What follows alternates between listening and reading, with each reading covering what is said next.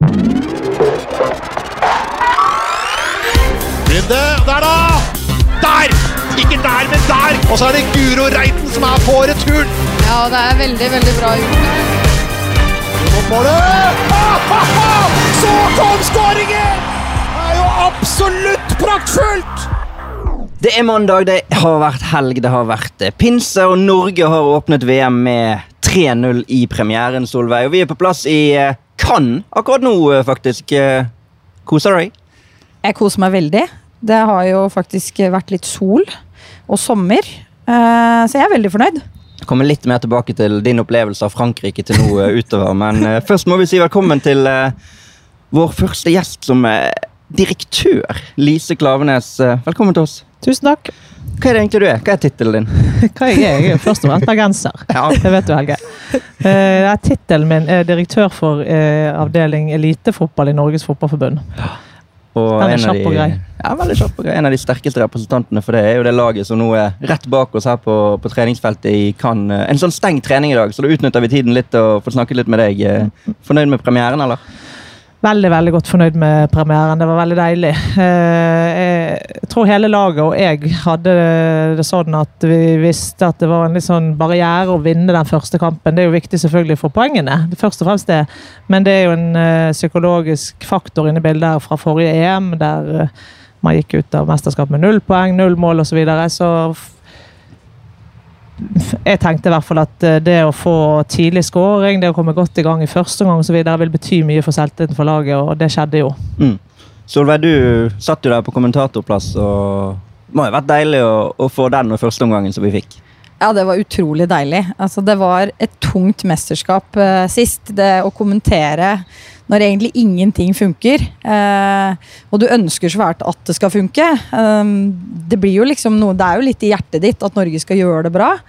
Og da er det veldig tungt å være kommentator. Du skal liksom prøve å være litt eh, seriøs, da, og ikke på en måte ta parti og, og sånne ting. Men nå var det jo veldig gøy. Eh, tre mål. vi spilte bra fotball. Eh, fikk til mye offensivt, og, og det, ja, så det var veldig gøy. Mm. Du har jo sett kampen på nytt igjen. Eh, Noen spesielle ting du har lagt merke til som, eh, som du har blitt mer imponert av etter å ha sett den en gang til? Ja, det er jo spissparet. Spesielt Isabel Herlovsen. Den jobben som ble lagt ned av begge de to, Utland og Isabel, er det er rett og slett rått. Fordi det hjelper presset og det hjelper Forsvaret og midtbanen til å på en måte ja, få kontroll over spillet. Eh, når vi blir pressa bakover, så jager de alle baller. De er først på ballene når Norge renser unna. Så vi kommer oss ut. Eh, vi får flytta opp laget 40 meter på en måte på et par sugende løp fra Isabel ned mot cornerflagget, som normalt sett de fleste ville tenkt at nei, den der gidder jeg ikke å løpe på. Så det mener jeg var en liten nøkkel i den kampen. Eh, Et suksesskriterium at spissene gjør den jobben, og det ble gjort. Mm. Du sitter og nikker, Lise. Bare sånn, kan du si det til de som hører på nå? at Vi sitter akkurat nå på en gammel innbytterbenk utenfor stadion til eh, Cannes. Stade Pierre de Coubertin heter den. Vet du hvem som begynte å spille her? Karrieren sin? Zidane. Det, eh, du har lest deg opp, du. jeg er ikke uforberedt. Jeg er jo fra Nordbrune. Du er jo litt sånn eh, uh, Zidane-fan, kanskje, vil jeg tro, fra barndommen. Eh, ja. Spillestilen, i hvert fall. Ja, og... definitivt. definitivt. Jeg eh, liker jo alle som har uh, det som på fagspråket kalles sterke, eller spillstyrke, da, som klarer å skape ubalanse. og det, det, Jeg er veldig enig med det Solveig sa om uh, lagets prestasjon. og Det som er viktig å ha litt med i mente der, er jo spillideen til Martin og Anders. er jo offensivt nesten en sånn fire 2-2-2-formasjon. Eh, som eh, gjør at vi er ganske avhengig av eh, et ganske sterkt toppress, at spissene For vi ligger smalt, sant. Får du kontringer hele veien mot mm. det da bredt, så, så, er vi sårbare. Så det var helt avgjørende det Isabel og Utland gjorde på, på topp. Mm. Da er det mange som spør seg 4-2-2-2, kan det gå mot et fransk lag som kanskje er den største favoritten til å vinne hele VM? Jeg vet at du har vært litt skeptisk der, Solveig. Ja, Det er litt mer av egne erfaringer med å spille mot Frankrike. Fantastisk godt fotballag individuelt, men også kollektivt. Men de er så gode med ball at man har lange perioder ikke ball når man møter Frankrike. og det vil si at Da kan du ikke være en 2-2-2. Så det må nok gjøres noen grep, men det som er håpet nå, er jo å se at Norge har fått til det offensive spillet sitt. Eh, de er tryggere med ball, du ser de kombinasjonene de er ute etter. Og så er jo spørsmålet om de klarer å få til dette også mot Frankrike. Gjør de det, så vil de jo ha ballen mer, og da blir det kanskje ikke så stort problem. Men vi så jo også antydninger, spesielt på Norges venstre side, at det ble noen rom for Nigeria. De, kom, de slapp til litt for mye. Så det må nok gjøres noen grep. Og vi veit jo at bak her nå så trener Norge på forsvarsspill eh, inn mot Frankrike-kampen. Så jeg regner jo med at de har fokus på det også. Mm. Du kan ikke, ikke si noe om hva de trener med, Lise, men du er jo ganske tett på laget. Du kommer med bussen her og er rundt laget og, og kan spore den positive atmosfæren. men så er det vel kanskje sånn at tro og optimisme det tar deg til et visst punkt, men mot de aller beste så må du jo faktisk gjøre jobben. Ja, ja, definitivt. Altså, det er jo selvfølgelig viktig å understreke at det er jo offensivt man blir liggende i en 4-2-2-formasjon. For, mm, for da trekker kantene inn defensivt. Det er jo det 4-4-2 eh, om en spiss som faller ned, så ikke så ulikt egentlig 4-5-1 i de fasene han spiller. Eh, og det gjelder uavhengig av motstander. Eh, men eh, ja, som du sier, eh, når jeg kom inn, eh, jeg skal være ærlig og si at jeg var interessert i dette samholdet når jeg kom inn. Jeg begynte jo i september i fjor. Jeg var interessert i dette samholdet. Er det hva skal jeg si, passiv-aggressivt og på en måte noe du bare vil, eller er det reelt? Er det en reell enhetsfølelse? Og jeg har vært vitne til en, en reell prosess. Altså det, det må jeg si, jeg har blitt veldig imponert over det, den måten Martin og Anders har stått gjennom dette her, og hva skal jeg si, vært helt lik seg sjøl hele veien og hatt en systematisk tilnærming eh, til dette. her, så, så, lagets største styrke nå er den enhetsfølelsen. Det er ikke en klisjé, den, den er mm. faglig. Den er på avtaler på banen, på hvordan man skal agere. Andre forsvarer, første forsvarer. altså Den er reell. Det er ikke på en måte bare når de skårer, så er de fine bilder. Så det er jo det jeg har vært litt opptatt av å se. og ikke at Det er Martin og Anders som skal styre dette, her, men jeg har vært nysgjerrig på det. da. Eh, så, for det er der vi må være med landslagene. For du må ganske raskt komme inn i en lagfølelse. Det handler ikke om moral, det handler om fag. Mm. Eh, og det har de. Men vi møter et lag som på papiret er bedre enn oss, og i praksis er bedre enn oss hvis vi skal møte dem mange ganger. Så vi må jo få til noe smart. Mm. Du sier at det er en reell prosess, og at det ikke egentlig skjer. De, de, de sier jo faktisk dette mottoet sitt sterkere sammen omtrent i samtlige svar de avgir til oss i, i pressen etter kamp. og sånn. Kan, kan, du si noe konkret om hva man har gjort? Altså Rent ja. praktisk, hva ja. man faktisk har gjort? Ja, det kan jeg. For jeg har vært veldig opptatt av uh, dette her. Det, hva skal jeg si, det jeg syns er mest, nesten mest destruktivt i et lag, er hvis det blir uh, uh, bare samhold på, en, fasadenivå. For det, det, kan ulme, og det, da slår det sprekker. Så jeg har vært opptatt av det. Og det er mange ting å si om det, men en konkret ting som jeg syns har fungert veldig godt, er hvordan de har jobbet med kapteinsteamet. Jeg har fått ekstern hjelp til å Det er tre stykker i kapteinsteamet. Ingrid Movold, Karoline Graham Hansen, selvfølgelig Maren Mjelde. Og hvordan man har fått de til å se på seg selv som mellomledere. De skal rett og slett være mellomledere i gruppen. Og det ligner faktisk på sånn som jeg jobber med min ledergruppe jobbet sånn at de er egentlig engasjert på tvers i alt. Eh, og sånn at det blir normalt, så ikke det er veldig forstyrrende i hver samling. Så de har drevet med dette. Kapteinsteamet møttes jevnt og trutt på alle samlinger med ekstern hjelp da, eh, fra Olympiatoppen, som har sittet og på en måte ja, hva skal jeg si, som man på engelsk kaller empower. altså ja. Gitt de tyngde og kraft i, og særlig på Særlig på den, de to andre enn kapteinen. Kapteinen har jo alle norske lag vært sterk og vært en rolle som har vært empowering alltid. Men, mm. men for de to andre, at man er tre ledere i et lag, og, og, og, at de skal på en måte være forlengede armer inn. Så Det er ett eksempel. Og så er det jo målsettingsprosessen som har vært veldig involverende og reell. Ikke sånn vi skal ta medalje og eh, altså Du begynner med målsetningen, og så hva, hva skal til? Det har vært masse tvil, masse diskusjoner, eh, masse reell tvil. Eh, og hvordan skal vi gå ut og si at vi skal skal ha medalje, er det, er det det hele tatt realistisk?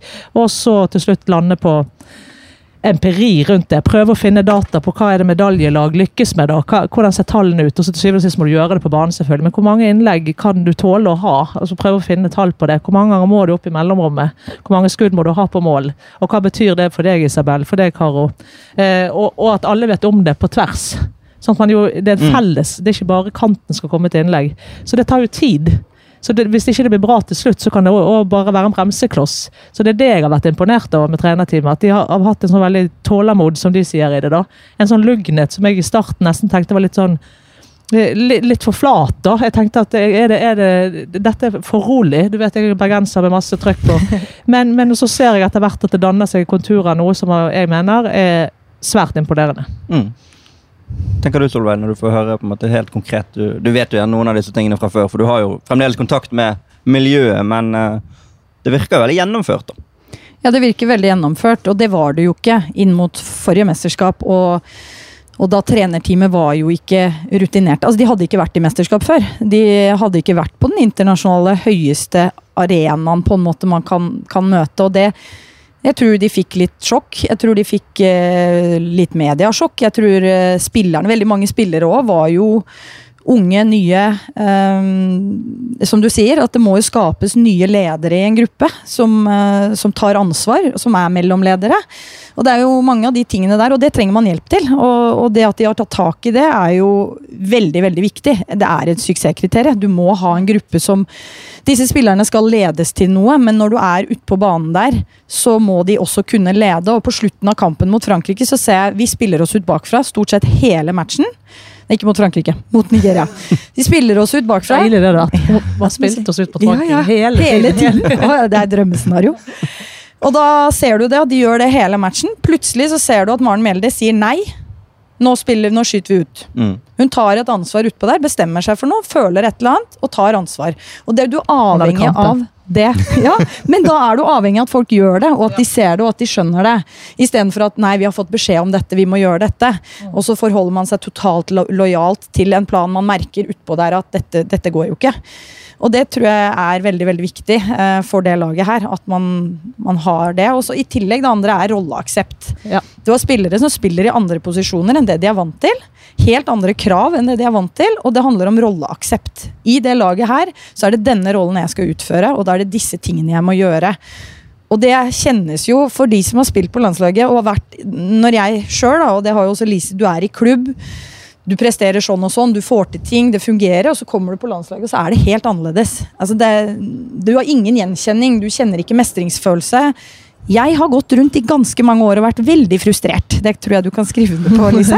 Nei, Eh, jeg vil ikke være så mild. Nei, det Så det er jo Og da er det der det handler om det, aksepten for rollen du får uh, i det laget. Uh, å gjøre det, og det ser du jo sånn som på Guro Reiten, for eksempel, da. Vanskeligere for henne første mesterskapet. Nå større forståelse av rollen. Eh, og det gjør jo at man lykkes. Altså det, og for å understreke det, da. Det, det er jo ingen uh, forherligelse altså, eh, fra min side. Altså, eh, det, vi har jo reelle utfordringer. Vi er- ligger ganske lavt på Fifa-renken i forhold til hva vi ønsker og, og som er satt opp. Og som hva skal jeg si, min avdeling styresetter da, målesetter. så, så det er mange reelle utfordringer, men det er allikevel interessant å, å snakke om. og Derfor er fint å komme på sånne podcaster og der det er reell ekspertise. Solveig som har vært med. Jeg snakker ikke om deg, Helge. Solveig. Rettslagskamper. Ganske mange og rettslagskamper det var ja, Hordaland. Sinnssykt tilslag, det så jeg på forrige samling. Barbeint. Det var faktisk imponerende, men bortsett fra det. Nei, men eh, den eh, Hva skal jeg si Den generasjonen som kommer opp nå, eller man skal ikke være for generaliserende, da, men det vi i hvert fall så med denne generasjonen her, før min tid, var jo at man ville tenke at ikke det var så mange ledere. Så det er jo, det er jo en utfordring som ligger i bakteppet, som kanskje var litt mer selvfølgelig før. Og det kan jo være helt tilfeldig òg. Mm. Solveig hun hadde jo på en måte ville lede uansett hva du gjorde. Du fikk jo ikke henne til å være stille. Jeg fikk jo ikke lov å lede, men jeg gjorde det jeg gjorde kasta det jo stein i glasshuset, og det holder. Jeg var jo ikke noe annerledes. Vi var en gjeng. Men det er jo mange nedsider med det òg. Det var jo det masse styr. Sant? Det var jo en kaklegjeng. Og, så det var jo andre prosesser man måtte jobbe med. Her er det jo sånn, en ganske sånn stort talent for harmoni. Eh, sant? Det, det, det er en gjeng som, som eh, er litt stillere i utgangspunktet. Og, og, og litt mer, eh, kanskje til og med litt mer individualistisk i utgangspunktet. Og det, da blir jo fokuset nettopp det å virkelig få opp blikket og se på laget, og Mm. ta lederskap. Og det, det, det har, mener jeg har vært en veldig god prosess, og jeg vil si det før mesterskapet er over, før det går bra eller dårlig, at jeg har stor tillit til det arbeidet som har blitt gjort. Det har vært, eh, jeg har vært med på veldig mange samlinger, og det har vært veldig lærerikt. Mm. Selv i, på en måte i min jobb. altså se hvor Det, det ligner liksom på en vanlig ledergruppe. og hvordan Du må ha folk som har eierskap til det de driver med. Gitt det at det var en gruppe som kanskje var eh, selvfølgelig f- fantastiske fotballspillere, men litt stillere. altså Litt sånn som vi snakket i EM, Solveig. En gjeng som eh, det var ikke så tydelig å se hvem som sto fram når det var vanskelig. Nå er det, nå er det i hvert fall tydelig, og så trenger man ikke å vinne VM av den grunn. Men det var nødvendig. Mm. Dette med individualister i et lag, tror du det på en måte har endret seg sånn i tråd med samfunnsendringene, Solveig? Sånn når Ja. du var yngre Du var jo en individualist for 20 år siden. Jeg var jo det. Så ifølge Linda Medalen så har jeg innrettet jeg meg Linda skal jo ikke jeg innrettet meg etter hvert. Men eh, jeg, jeg tror jo det. Jeg har jo barn. Jeg har jo en gutt på tolv og en jente på åtte. Eh, og det er jo sånn at eh, de er jo en forhandlingsgenerasjon. Altså, de forhandler på alt. De mener at de skal kunne få det til sitt beste kontinuerlig. Altså, og hvis ikke de gjør det, så bare fortsetter de å forhandle. De gir seg jo ikke. Eh, og hvis selv jeg som voksen Høres ut som jeg har de håpløse barna, altså, men eh, selv jeg som voksen på en måte sier klart ifra. gjør ikke det, Solveig. De bare lier og veldig, jeg tror jeg må jobbe litt med dette.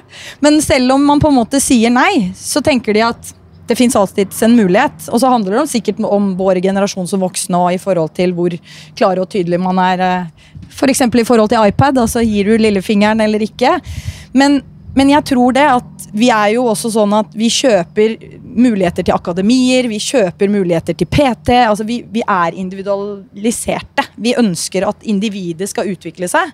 Og så skal dette passe inn i et lag. Og det, jeg, jeg tror jo det er noen utfordringer ved det. Det er jo mye større spørsmål nå om profflag, om akademier og den tingen nå enn det det var før. Før spilte man på klubblaget sitt, og så ble du god, eller så ble du ikke god. Nå er det ute masse utenfor som påvirker eh, i mye større grad. Og når man da skal komme inn på et landslag og man har egne vi hadde jo ikke noen tanker om at hvis jeg presterer på Norge, så kan jeg få muligheten til å bli proff eller tjene masse penger.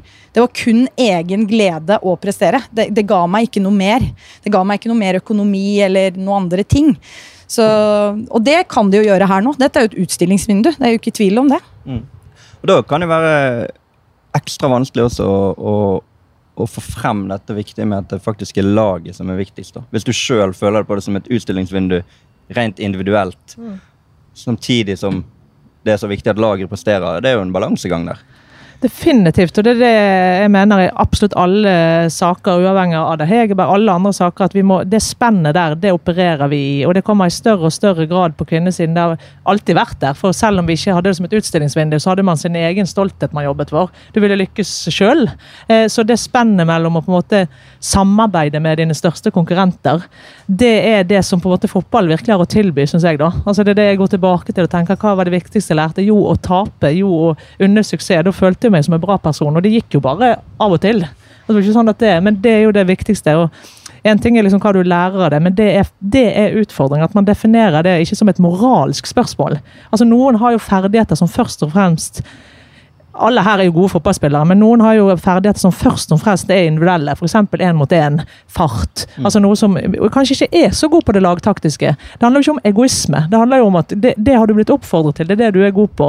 Eh, Da må du prøve å få fram lagelementet enda mer. Og så motsatt, så er det noen som aldri tar risiko. Solide, men slår ballen vekk hele tiden. Men du kan stole på dem. Ja, de må jo òg få fram noe eh, annet her som gjør at du skaper ubalanse.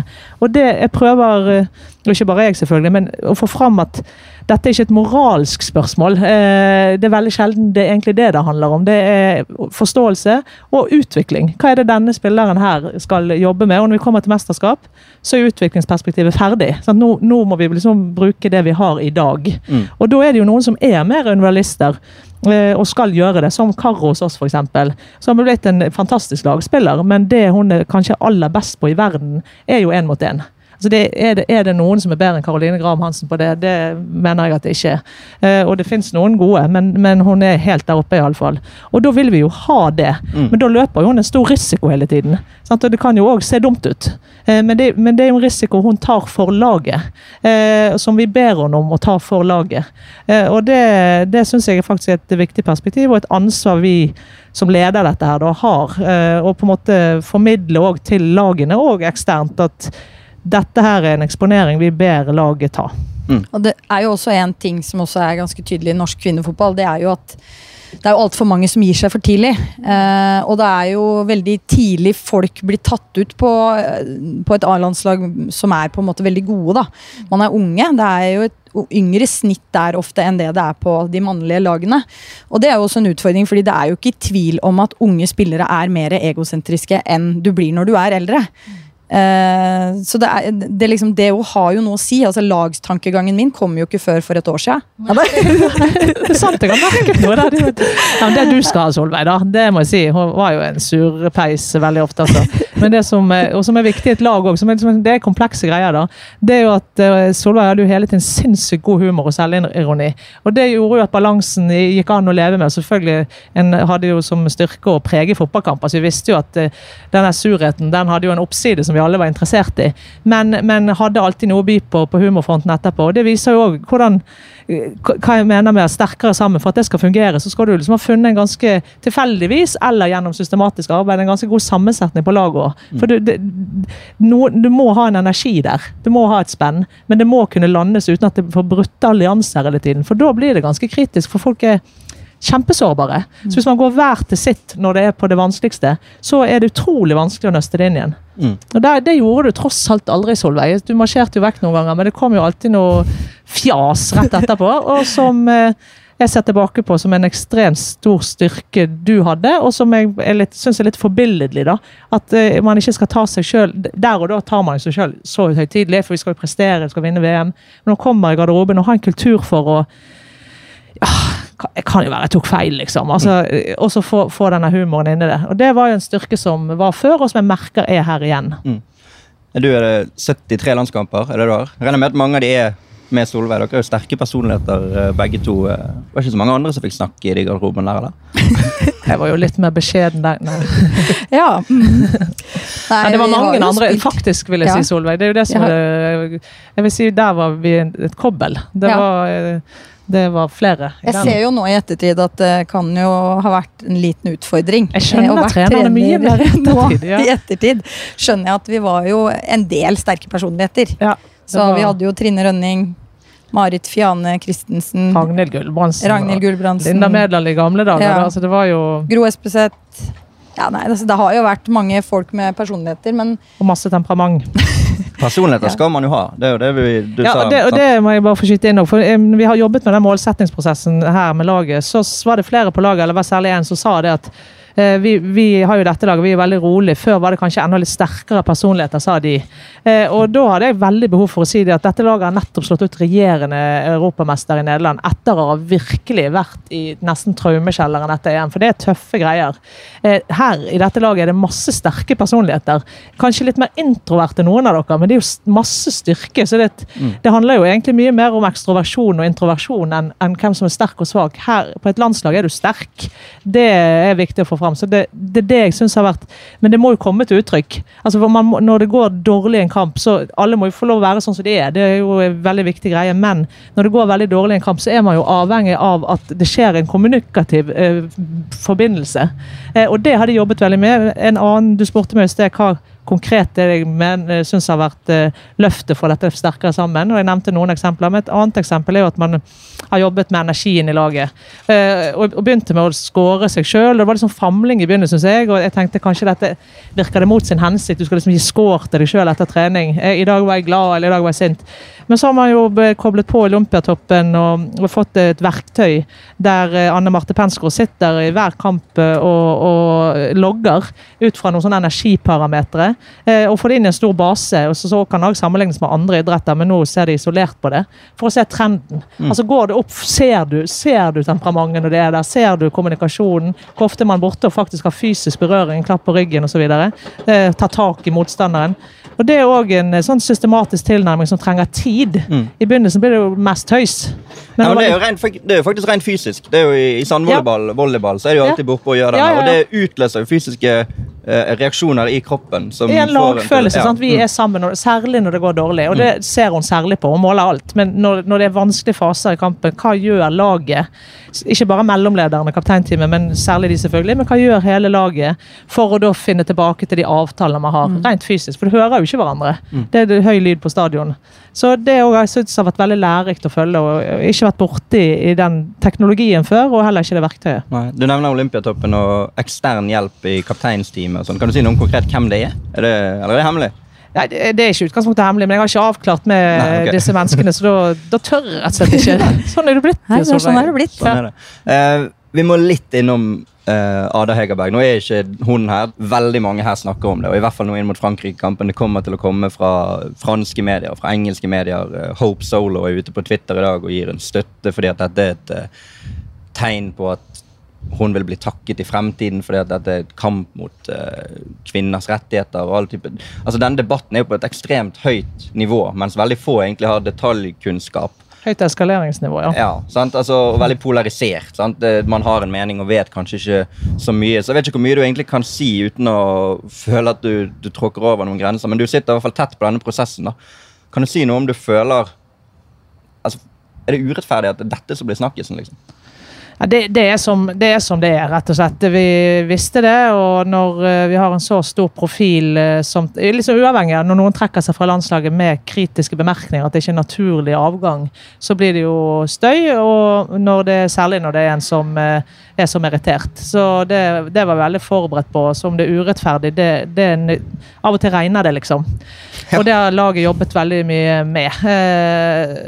Så jeg har, jeg har ikke, det er ikke noe sånn at jeg ikke kan si noe, men nå, nå Jeg har jo en jobb, jeg har et profesjonelt ansvar, og nå er jeg i VM, så vi, jeg var tidlig klar på at når jeg er i VM, så, så er det å formidle og prøve å være i mesterskapsboble for min egen konsentrasjons skyld òg, for lagets skyld, og et lag som ikke har bedt om dette. Og prøve å, i hvert fall, vi skal i hvert fall prøve å formidle at vi er her og konsentrerer oss om et e- eget lag. For det er ikke et alternativ å ha med Ada Hegerberg nå. Hun har ikke villet være med, og da er vi her med det laget vi har. Og det, er vi, det er vi jo tross alt vant til. Det er jo, det er jo trykk utenfra som er annerledes. Det at spillere trekker seg av ulike årsaker og blir skadet, det er jo nei, spillerne veldig vant til. Så rent sportslig så er jo det bare ligner på mange andre. Det, det er hva skal jeg si, grunnene for det og medienes interesse rundt det som, som er ulikt. Så vi har jo jobbet eh, med det. Mm. For det er jo sånn at når vi nå skal på pressekonferanser etterpå, så kommer det til å være det det, det handler om. Og spillerne sier jo at de, de har fokus på seg sjøl, de har jobbet lenge med å vite hvordan de skal håndtere dette. og sier jo, de sier jo de riktige tingene. Men de sitter vel og følger med på ting. De får jo med seg ting som skjer. Det må jo være vanskelig å, å stenge helt ute, eller er de så profesjonelle at de, de klarer det hele veien? Eh, Det, det, det tror jeg har vært en prosess. Eh, Det er selvfølgelig krevende, men eh, jeg har jo kommet inn nå de siste dagene. Jeg kom jo et par dager før VM åpnet, og det er en helt realitet at dette laget her takler det veldig greit. Mm. Så det har vært en prosess som har lykkes. Det, man visste at det kom, og at, og at man hadde en erkjennelse rundt at det kunne lekke energi. Og hvordan skal vi sørge for at det ikke lekker energi? Altså Du kan ikke bli sur hver gang det regner, så da må du vite at det kan regne. Så man har liksom jobbet med sånne litt mentale bilder rundt ulike problemstillinger, selvfølgelig. Hva, hva er risikoen eh, i VM? Hva kan mediene være opptatt av, som du klarer å kartlegge? Og dette var en åpenbar ting. Så det er nok eh, Det er ikke en fasade, det. Jeg har vært eh, selvfølgelig nysgjerrig på det òg, og ikke sikkert jeg hadde sagt det til deg hvis det var motsatt, men det er faktisk helt sant. Det, dette laget her har veldig lave skuldre rundt den problemstillingen. Mm. Hva forventer vi sånn rent sportslig nå, Solveig, inn mot uh, Frankrike-kampen? Tror du, tror du får se et norsk lag som har så stor tro på egne ferdigheter at de går ut og skal prøve å styre kamp mot Frankrike, eller eh, har de en litt annen tilnærming? Eh, Så det er jo det planen bunner ut i. At Norge skal på en måte kunne styre en match. Eh, Og det vil jo være rart hvis de ikke skal fortsette å prøve på det. Fordi det er det det bunner ut i. Det offensive modellen. eh, Litt gjenkjennende mestringsfølelse for dem er jo det. At de skal på en måte ha ball. Så hvis de på en måte begynner å ta ballen og bare slå den langt, så tror jeg det blir dårlig. Så de er jo nødt til å prøve å gjøre det de har gjort. Eh, så det, det er jo det jeg forventer. Jeg forventer egentlig at de skal prøve å angripe Frankrike. eh, og, og, ja, og gå ut litt sånn som de gjorde mot Nigeria. Og så er jo spørsmålet om, om vi er på det nivået. eh, og om, om det fungerer. om vi får for mye sprekker i laget, om, om ved å ha ballen gir Frankrike litt for mye muligheter på kontringer. altså En del sånne utfordringer vi vil få. da. Um, og vi kommer jo til å bli utfordra. Dette er mm, kanskje verdens beste lag per nå. Uh, Frankrike har, Det jeg har sett av Frankrike til nå, har vært ja, de har individuelle ferdigheter og og er gode på både taktiske og tekniske ting, men, men nå er de også blitt et lag som skåre mål. Før var de et lag som var mest opptatt av, litt som Spania er nå i dette mesterskapet, at de er bare opptatt av å ha ballen og at det skal se bra ut. Nå er de mer opptatt av å få ballen inn i 16-meteren og at det skal avsluttes. Eh, så de, de er blitt mer ja, Og de er farlige på dødballer i tillegg. Altså, Renard er jo nærmere 1,90 høy. Og, Hun er 10 Ja. høyere enn den høyeste norske spilleren. Og det er Ingrid Syrstad ja, så det er jo Vi satser på at man har litt mer fokus på det enn Sør-Korea, som valgte å ikke markere henne i det hele tatt. Så det jo, kan jo være en plan. Men sånn at de har veldig mye mer å spille på enn bare det å være Frankrike med gode ball i beina, liksom. Det er et lag som på en måte er, er ja, hva skal jeg si, har ikke så mye svakheter, da. Hva er det man kan ta de på? da? Altså, det er jo, for, å se på laget deres, da, i hvert fall første kampen, så spilte de vel med tre av fire forsvarsspillere fra Lyon. Keeperen er fra Lyon. Sentral midtbanespiller, da, og Cascarino og Lesemer på topp. Det er jo et sånn nesten litt nedskalert Lyon-lag uten Marosjan og Hegerberg og hun van de Sanden. Og vi så jo Lyon mot Chelsea i semifinale i Champions League. Som virkelig var på tannkjøttet og måtte faktisk jobbe knallhardt for å komme til den finalen. Så det går jo an å løpe fra altså, disse spillerne. Det er jo mulig. Ja, ja, klart det. Nei, eh, det er jo som Solveig sier, det er et lag som har gått fra eh, individualisme først og fremst når vi spilte mot dem, til å være veldig systematisk. Har spilt ganske likt eh, i hvert fall et års tid. og liksom hatt et systematisk angrep. Fordelen med det er jo at vi, vi, vi vet jo godt hvordan de spiller. De vil ut i korridor. De vil vri. De vil, hvis det er mellomrom, så er det på annen ball. Og de er veldig opptatt av direkte gjenvinning. Altså Når de slår disse crossene, så er det like viktig for de å bare vinne ballen. Litt sånn Barca-aktig. At de bare plokker rundt. Og det gir jo noen eh, altså Det handler jo om å ta noe kalkulert risiko for oss. Vi vet jo at det er risiko for de er så gode, så noen ting må vi prioritere. og Så kan ikke jeg si hva det er men nå, men, men man må prioritere noe som får fram det beste i oss. eh, Og så vet du at det finnes noe de kan straffe oss på der. Men på en eller annen måte ta en kontrollert risiko som man kan justere hvis det går eh, out pieces. da. Men selvfølgelig blir det uansett en nøkkel. Når vi vet det jeg sa nå, så blir det en nøkkel å, å ha planer for å håndtere når de kommer én mot én, to mot to på siden, eh, og, og vinner disse andre ballene, eller vil vinne disse andre ballene, og komme oss ut av det rommet med kontroll. For da er de veldig masse folk der.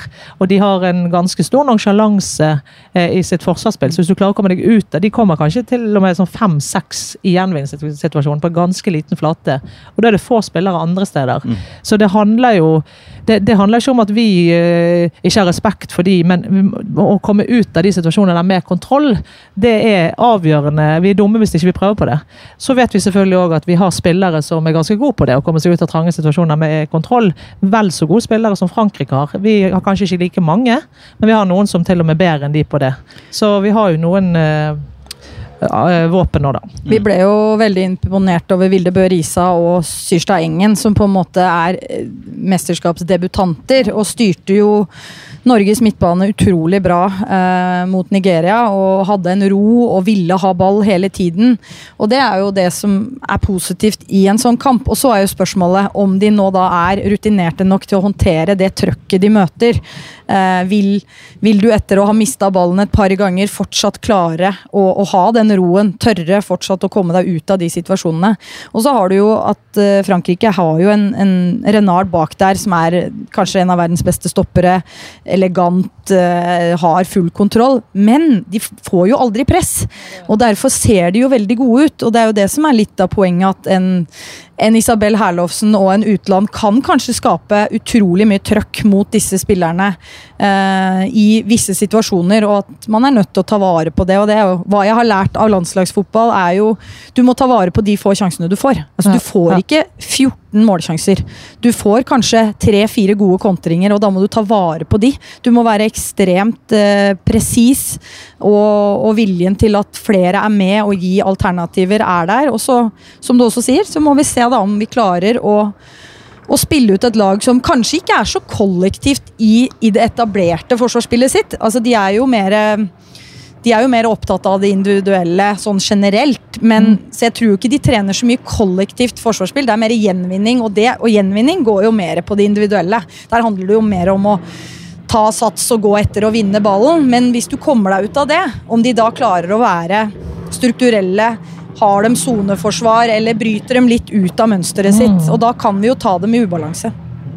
Så har vi, vi kan avslutte med å snakke litt om de kampene vi har sett til nå i mesterskapet Jeg vet ikke hvor mye dere har fått sett på alle kampene. Vi har vært litt sånn på reisefot og sånn, men i hvert fall det har vært en del jevne kamper. Tyskland sliter seg til en 1-0-seier mot Kina. der Spania sliter jo lenge mot Sør-Afrika og klarer å snu det på, på slutten. England vinner 2-1 mot Skottland, et lag de slo 6-0 for to år siden. så det er ikke sånn at Norge går ut på der og tenker at Frankrike dette er umulig. Altså Her er det jo også mulig å ta inspirasjon fra andre lag som har møtt presumptivt bedre motstandere og, og klart seg ganske bra. da.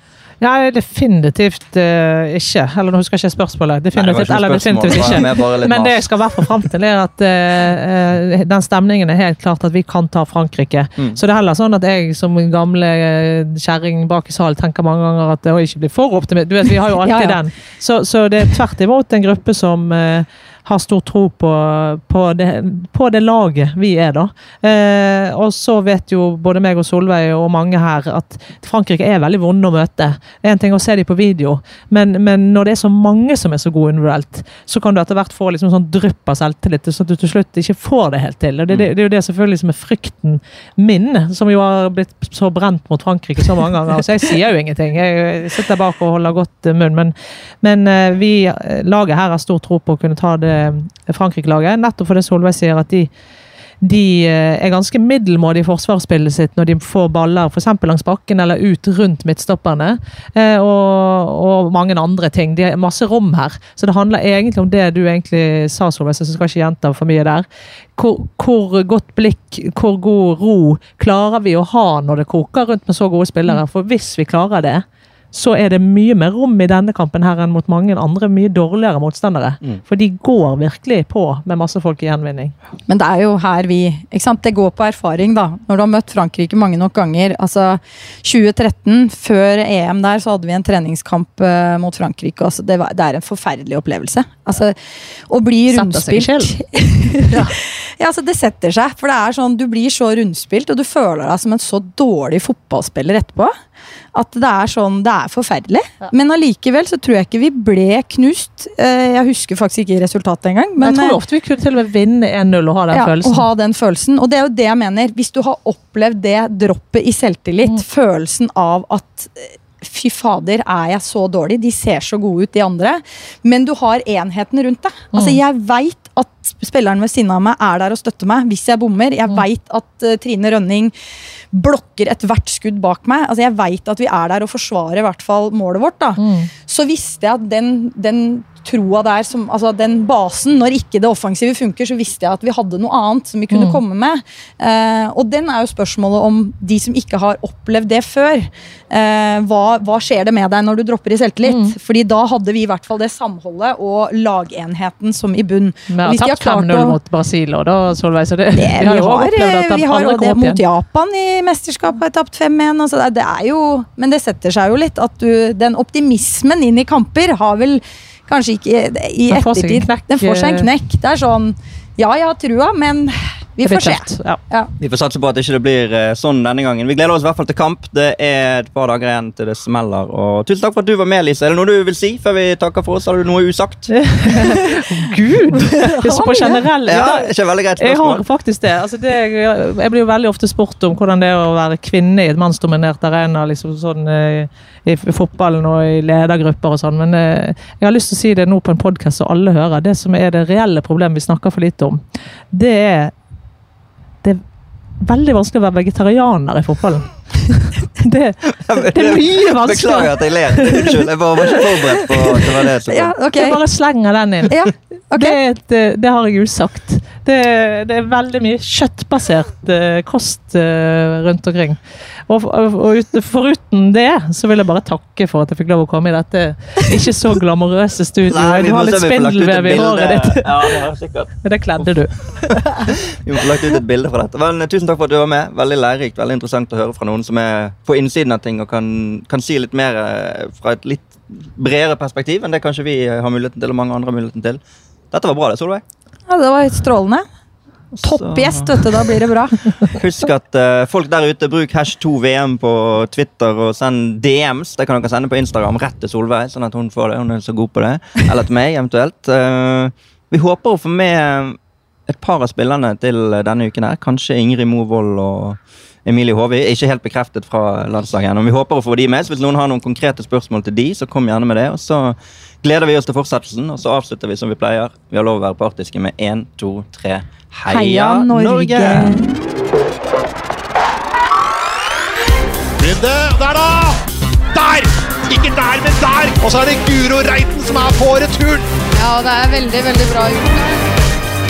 Så kom Ah! absolutt praktfullt! Moderne media.